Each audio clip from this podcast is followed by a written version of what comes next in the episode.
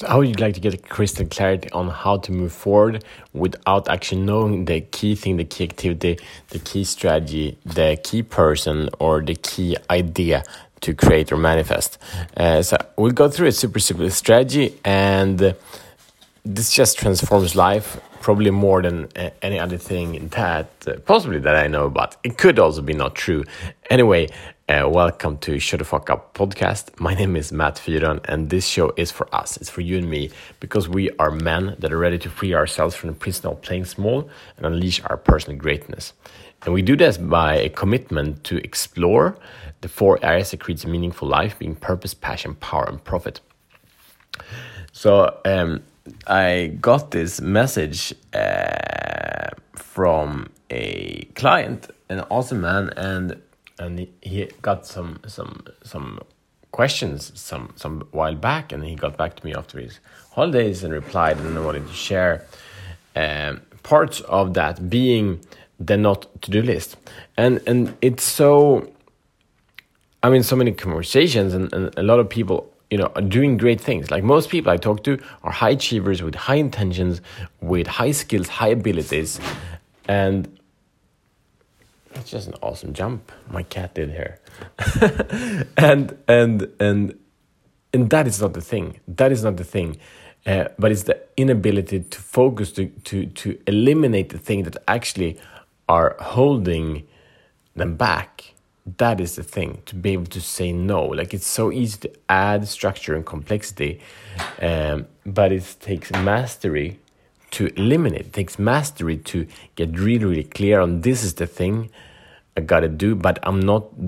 But these other ten things are like ninety nine percent right, and it makes them hundred percent wrong. Of course, it depends on where one is at, at, at the rate and so on. But to get to that gives immense clarity, power, and joy. So the question, what what my my my my, client shared was a few things that on his not to do list. So I will share a common that I found like a lot of guys are getting a lot of energy caught up in this. And one, for example, is of course pleasing is to waiting for the partner for for approval instead of designing and taking charge of say this is what I create.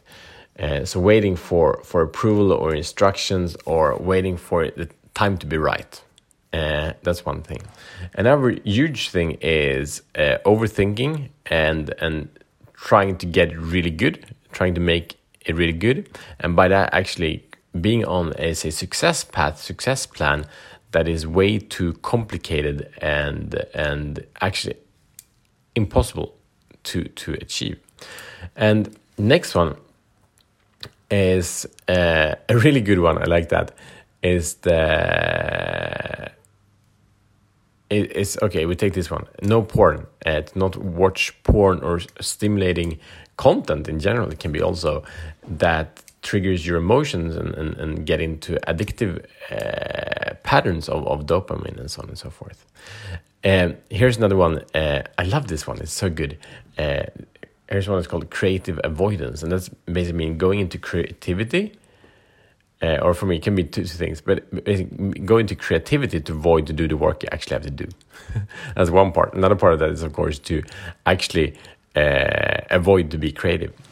Um, but but and and the final one I want to share is like is is the one of, of learning to study new things. What's the next thing? What do I need to learn?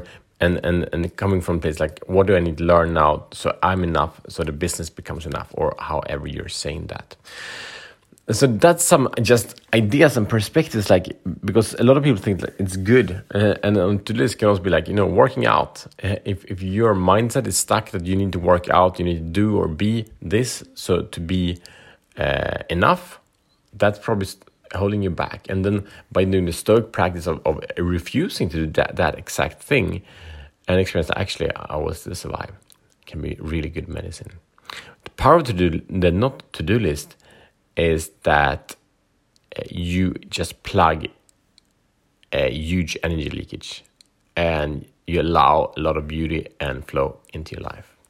So, the mission, if you choose to accept it, uh, make 10 points of things that are not beneficial for you and choose one the thing that is is, is the biggest drainage. And you can put it on not to this. You can also do it to cut down do it less. That's it. And see you tomorrow as better men